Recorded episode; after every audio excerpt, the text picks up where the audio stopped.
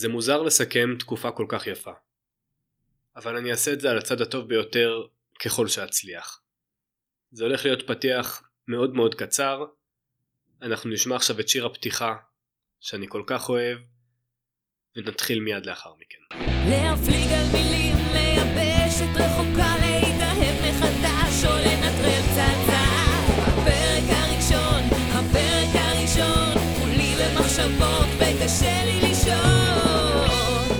הפרק הראשון, הסכת הספרים העברי, בהנחיית תמיר מנדובסקי. מטרת הפודקאסט הזה הייתה לפצח מהו פרק ראשון טוב. התחלתי אותו מסיבה מאוד מאוד אינטרסנטית. כי הייתי תקוע, היה לי מחסום כתיבה. כשהתחלתי את הפודקאסט, הרבה דברים בכתיבה של הספר לא היו פתורים. למשל, השם שבחרתי לספר היה שם לא טוב. נכנס עורך במהלך, אה, במהלך הפקת הפודקאסט, במהלך אה, כתיבת הספר, נכנס אה, עורך שכרגע השאיר את שמו עלום, עורך מאוד מוכר בישראל, ומאוד אהב את הספר שלי כך שהוא החליט לערוך אותו. הוא אמר לי השם שבחרת גרוע מאוד, הוא לא טוב, הוא משעמם, זה נשמע כמו, כמו לחם אחיד. הקשבתי לו, בעיקר כי ידעתי שאני טירון והוא גנרל, אבל גם כי עמוק בלב אני ידעתי את זה. עמוק בלב אני גם ידעתי שהפרק הראשון שלי הוא לא מספיק טוב. הוא היה אינטנסיבי מדי, מתאר פחות מדי טוב את המשך הספר, ויותר מכל תחושת הבטן שלי אמרה לי שאני טועה. לקחתי ערימה של ספרים שאני מאוד אוהב, שהשאירו אותי אה, מתוח לכל אורך הספר, ואני זוכר שהתחברתי אליהם מהרגע הראשון, וקראתי את הפרקים הראשונים שלהם. אני לא ידעתי להסביר בדיוק מה גרם לפרקים הראשונים להיות כל כך טובים. ואז אני החלטתי לפתוח את הפודקאסט הזה. כמו שאמרתי כבר, הפודקאסט הזה נוסד ממקום מאוד מאוד אינטרסנטי. אני רציתי לדעת מהו פרק ראשון מצוין. לשמחתי, הרבה מאוד סופרים וסופרות מצוינים נעתרו לבקשתי לבוא ולהתראיין אצל פודקאסטר אנונימי שאי אפשר לדעת אה, מה תהיה כמות האזונות של הפודקאסט שלו אה, ואי אפשר גם לדעת מה תהיה איכות הראיון איתו. ועל כך אה, עוד לדעתי מוקדם לדעת מה האם הייתי מארח טוב או לא אבל רובם שמרו איתי על קשר אז אני מניח שהם לא סבלו. אבל אישית היה ברור מה מטרתי בפודקאסט הזה. מטרתי היא ללמוד ולהקשיב. ולמדתי המון על פרקים ראשונים, כי הרי בזה עסקנו, שמעתם פה 12 פרקים ראשונים בפודקאסט הזה. אז אני יכול לסכם את זה לשני, שתי מסקנות עיקריות, שאותן לקחתי איתי. אחד, פרק ראשון הוא מיקרוקוסמוס של הספר כולו. זה חוזה בעצם, שחוזה בלתי כתוב, סליחה, חוזה מאוד כתוב, אבל אי אפשר לראות אותו, זה חוזה שקוף בין החוזה, בין הסופר לבין הקורא. הקורא קורא את הפרק הראשון והוא מסיק מזה מה הוא הולך לקרוא ביתר הספר. ואם הוא יתאכזב הוא פשוט יסגור אותו. כמו כן, זה אחלה של סנן. זאת אומרת, אם הספר שלכם הוא ספר מתח, והפרק הראשון הוא אה, מאוד מאוד רומנטי, אז קורא שמחפש סיפור רומנטי יתאכזב. וההפך, אתם תפספסו את הקורא שמחפש את ספר המתח, והוא רואה בפרק הראשון שלכם סיפורי אהבה דבקים. דבר שני שלמדתי בפודקאסט הזה זה שפרק ראשון חייב גם לעורר עניין אבל גם להיות אינפורמטיבי. זה אתגר לא קל. לא קל גם לעורר עניין וגם להיות אינפורמטיבי כי אם אני מספר לכם על מה הולך להיות הספר אז אני חוטא את החטא מספר אחד של סופרים בתחילת דרכם. שהם מראים דברים ולא מספרים אותם הרי לכולם אומרים לכל הסופרים המתחילים אומרים show don't tell. אבל אם אני רוצה לעורר עניין אז הרבה מאוד פעמים האתגר הוא שאני לא מספיק אינפורמטיבי. אז אני מלא תודה על אה, הרבה מאוד פרקים ראשונים שקראתי במסגרת הפודקאסט הזה והשמעתי אה, גם לכם ולמדתי קצת מכל אחד. איך אני יישמתי את זה? האמת זה סיפור קצת מצחיק. אה, הספר אחרי שהוא כבר היה כרוך ומוכן למשלוח להוצאות הספרים השונות עדיין התעכבתי עם הפרק הראשון ואני הייתי נורא נורא נודניק עם העורך שלי ואני אמרתי לו תשמע אני לא בטוח לגבי זה והוא אמר לי תשמע תכתוב שלושה פרקים שונים לחלוטין תשתדל שהם יהיו שונים מאוד אחד מהשני ותשלח לי את שלושתם. אמרתי לו בסדר challenge accepted כמו שאומרים בלועזית אה, האתגר התקבל. כתבתי לו, ככה התעכבתי עם המייל הזה די הרבה, אבל בלי קשר שלחתי לו איזשהו קטע אחר שלא הייתי סגור על, ה, אה, על כמה הוא מהודק, שלחתי לו אותו ואמרתי לו מה דעתך על הנוסח הזה. היה פה איזשהו בלבול כי הוא קיבל את המייל הזה והוא היה בטוח שאני עדיין מדבר על הפרק הראשון והוא אמר לי זה פרק ראשון מצוין. ואני אמרתי בהתחלה כשקיבלתי את המייל ממנו אמרתי לעצמי לא הוא התבלבל זה לא, פר... זה, זה לא הפרק הראשון. אבל אמרתי בוא נראה שנייה פתחתי את הקובץ ואמרתי לעצמי, אוקיי, זה אמנם קטע ששלפתי מאמצע הספר, אבל זה באמת יכול להיות פרק ראשון מעולה. התקשרתי אליו, אמרתי לו, תגיד, הפרק הראשון ששלחתי אליך, הוא, אמר, הוא קטע אותי ואמר לי, מצוין, פשוט, הבאת הברקה. לא חשבתי על לשלוף את אמצע הספר, אה, קטע מאמצע הספר ולשים אותו בתחילת הפרק.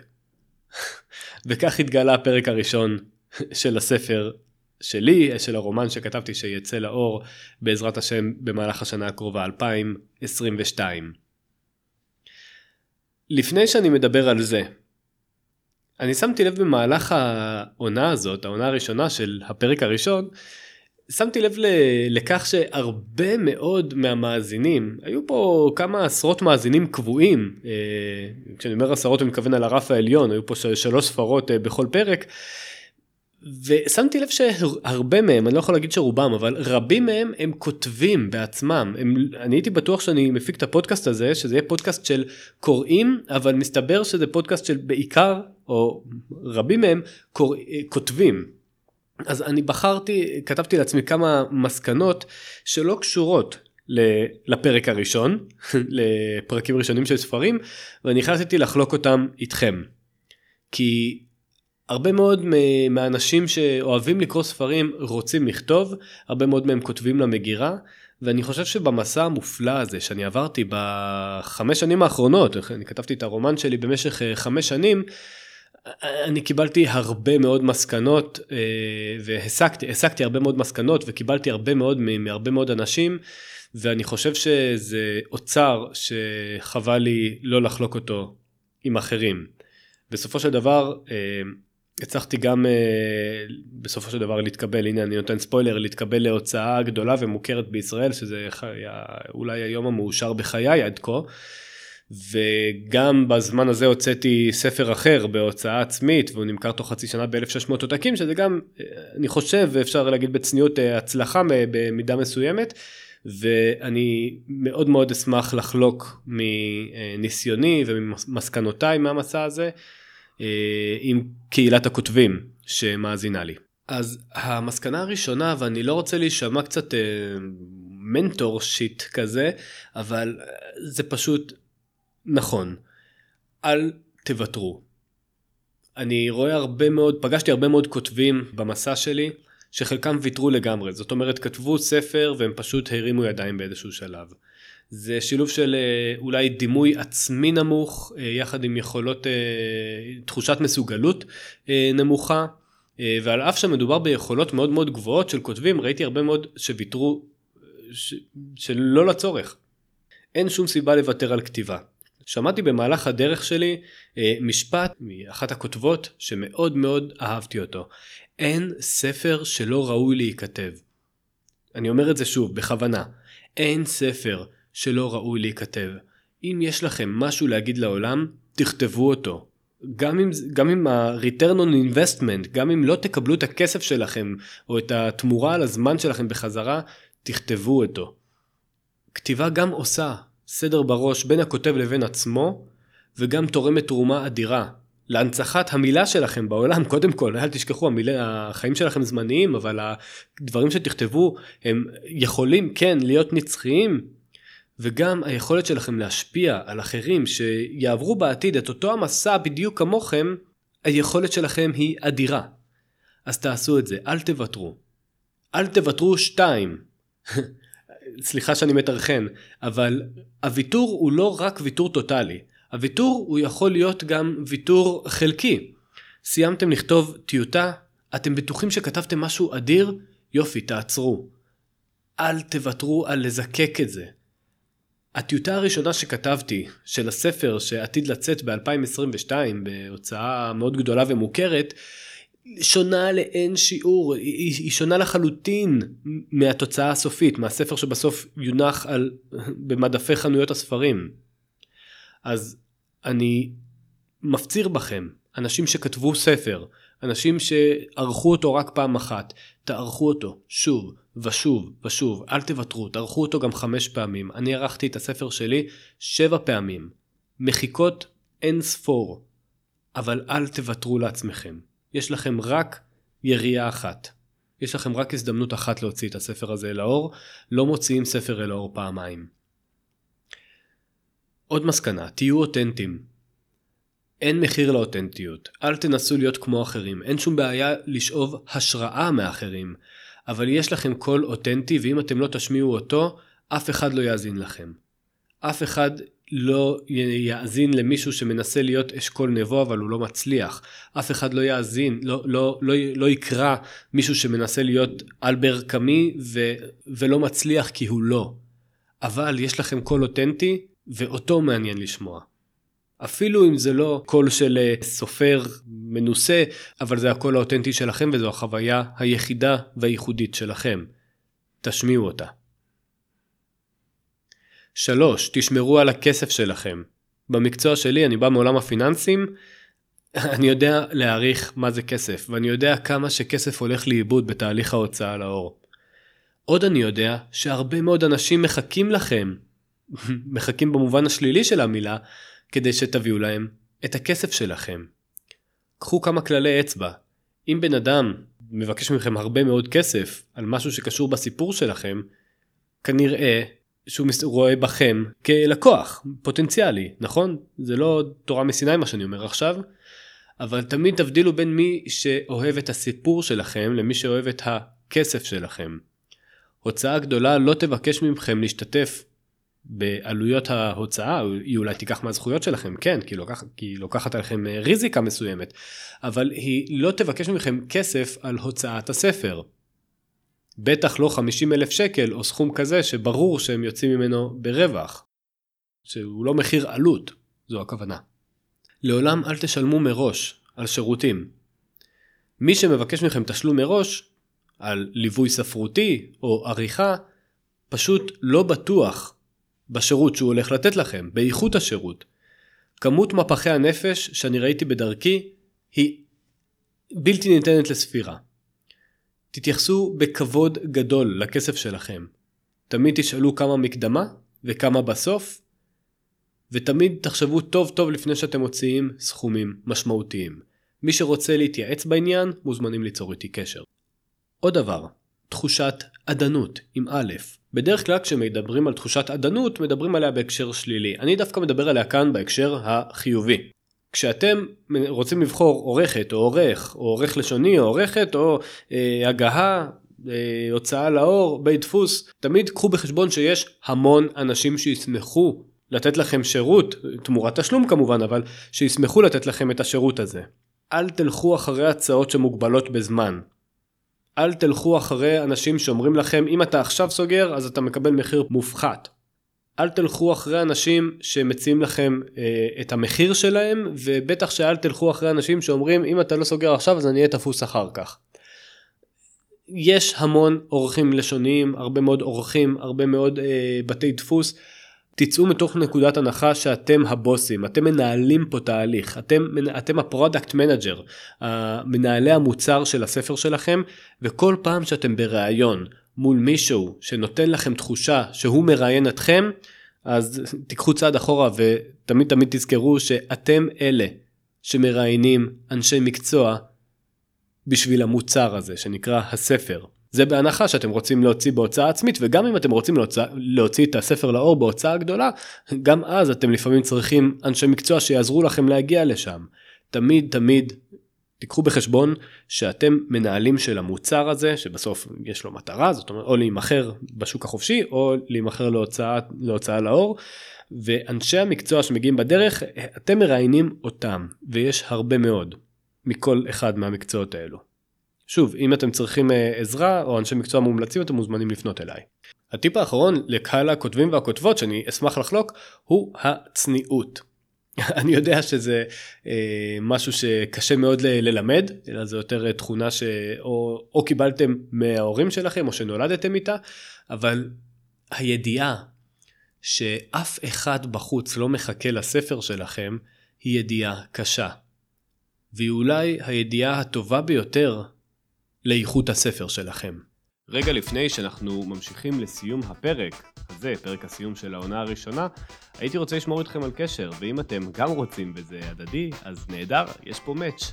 כנסו לאתר שלי שנמצא ממש פה בתיאור הפרק www.mandovsky.com הירשמו לרשימת התפוצה ככה שתוכלו לקבל את הניוזלטר החודשי שלי עם תוכן חדש ומקורי כל חודש.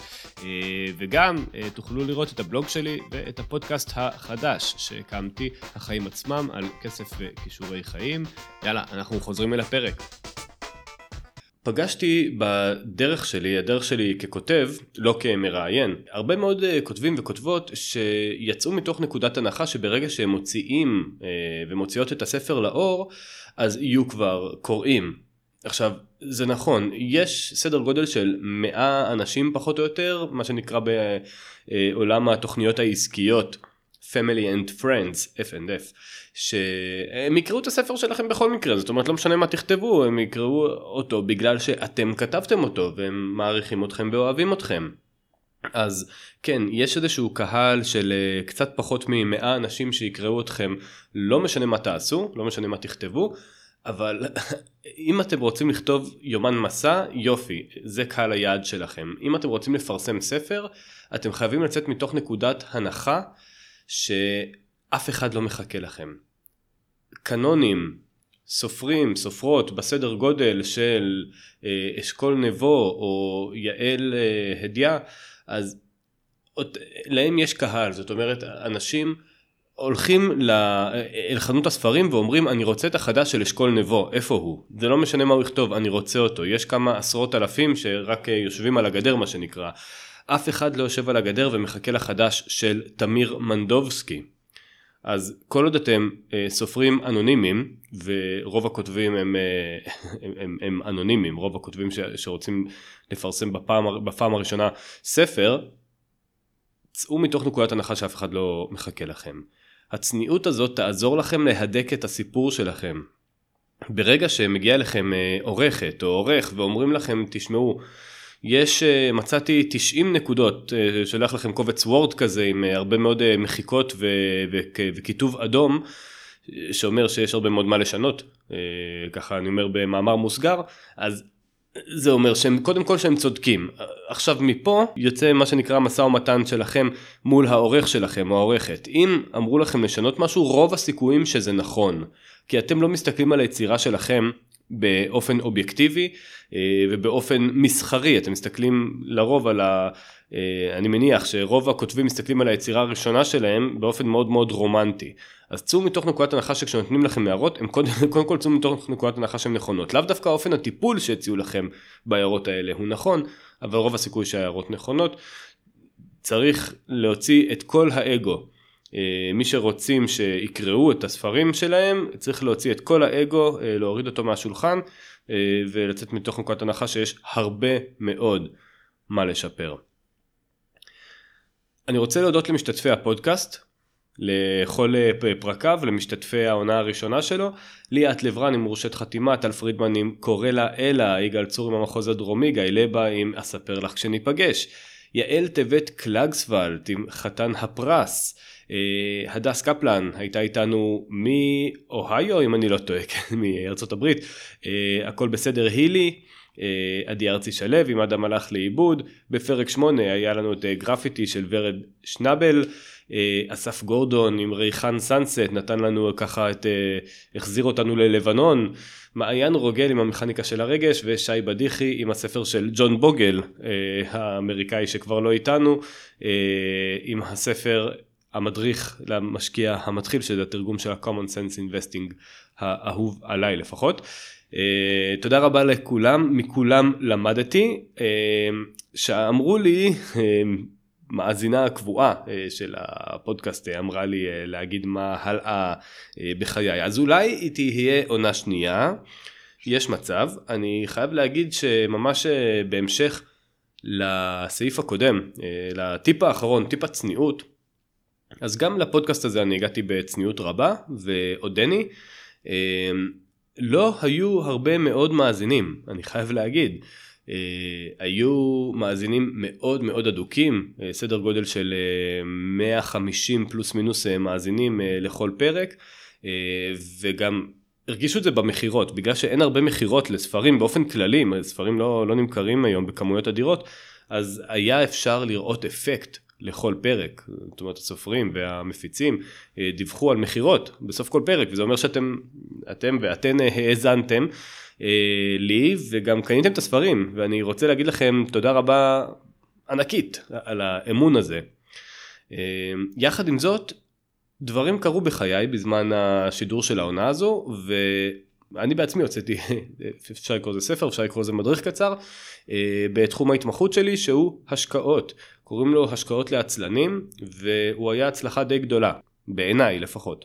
הספר יצא לאור במאי 2021 היום אנחנו בדצמבר 2021 והוא מכר כבר 1600 עותקים באופן עצמאי לחלוטין בלי להיות אפילו בחנויות וזו הצלחה אדירה בעיניי. אמ, החיים שלי נלקחו לכיוון הזה התחלתי להגיש גם פודקאסט בשם החיים עצמם אה, על כסף וכישורי חיים ו... אין מה לעשות, יש הרבה יותר, אה, אפשר להגיד גם אולי לצערי, יש הרבה יותר ביקוש לנושא התכנון הפיננסי מאשר לתחום הספרות. למרות שאלה שני תחומים שמאוד מאוד דומיננטיים בחיי, אני מרגיש בתקופה הזו שהשליחות שלי לעזור לאנשים בתכנון אה, פיננסי אישי באמצעות המדיה ובאמצעות אה, אחד על אחד היא יותר משמעותית. מאשר היכולת שלי להפיץ אה, בשורות ספרותיות. אולי אני צריך להבין מזה משהו, אולי אה, העולם שולח לי איזשהו רמז, אה, לא יודע, אבל כרגע אני הולך להתמקד בתחום הזה בחיי, ואולי אני אחזור לעונה שנייה, נראה. שני דברים חדשים שאני עושה מאז שהתחלתי לשדר את הפודקאסט הזה, זה אחד, סיוע לכותבים, במיוחד בתחום העיון. אני גיליתי את אה, איזשהו כוח על שכנראה היה טמון בי של אה, העברת מסרים וחיבור בין רוח לחומר ובין חומר לרוח ואני בעצם מאז שהוצאתי את השקעות לעצלנים קיבלתי מספר פניות של אה, בעלי מומחיות שרוצים להוציא לאור ספר. כל מי ששומע את הפודקאסט הזה וחלם להוציא ספר לאור שמשדר את תחום המומחיות שלו ובעצם משמש סוג של כרטיס ביקור על סטרואידים נקרא לזה אז זה משהו שאני עושה עכשיו זה משהו שאני מאוד מאוד אוהב לעשות ואני אשמח לעזור אה, לכל אחד ואחת ככל שאני יכול. עוד דבר גדול שהולך לקרות השנה זה שהרומן שלי אה, הולך לצאת לאור אני כרגע לא אספר איך קוראים לו כי זה עדיין אה, בגדר סוד אבל אה, זה רומן מתח ביטחוני שהולך לצאת אה, בעזרת השם במרץ השנה אם לא יהיו עיכובים ויש לפעמים עיכובים ויכול להיות שגם הוא יהווה איזושהי נקודת אה, מפנה אה, בחיים שלי בטוח שהוא יהווה איזושהי נקודת מפנה באיזשהו אופן. תודה רבה לכם שהאזנתם עד כה גם בעונה הזו וגם לפרק הזה שהוא סוג של פרק אה, סיכום ומסקנות ויחסנו לאן. אני מקווה מאוד לחזור לעונה שנייה אם לא אז אני אמשיך ואפיק מדיה בהרבה מאוד ערוצים אחרים. אה, מוזמנים לעקוב אחרי האתר שלי www.mandovsky.com, מנדובסקי עם W ו-Y בסוף. אה, אתם גם יכולים לכתוב תמיר מנדובסקי בגוגל והוא באחת התוצאות הראשונות אני מניח שהוא יוביל לאתר הזה. מוזמנים מאוד להירשם לרשימת התפוצה שלי שאני מקפיד אה, לכתוב לה אחת לחודש בנועם ובטוב טעם אה, בלי כל כך אה, פרסומות פשוט כי אף אחד לא רוצה לפרסם ומוזמנים לעקוב אחרי הפודקאסט החדש שפתחתי החיים עצמם ששם אני מדבר על דברים קצת יותר פרקטיים בחיים מאשר ספרות ומי יודע אולי גם האהבה שלי לספרות תזלוג לפודקאסט הזה. תודה רבה היה לי כיף ונשתמע.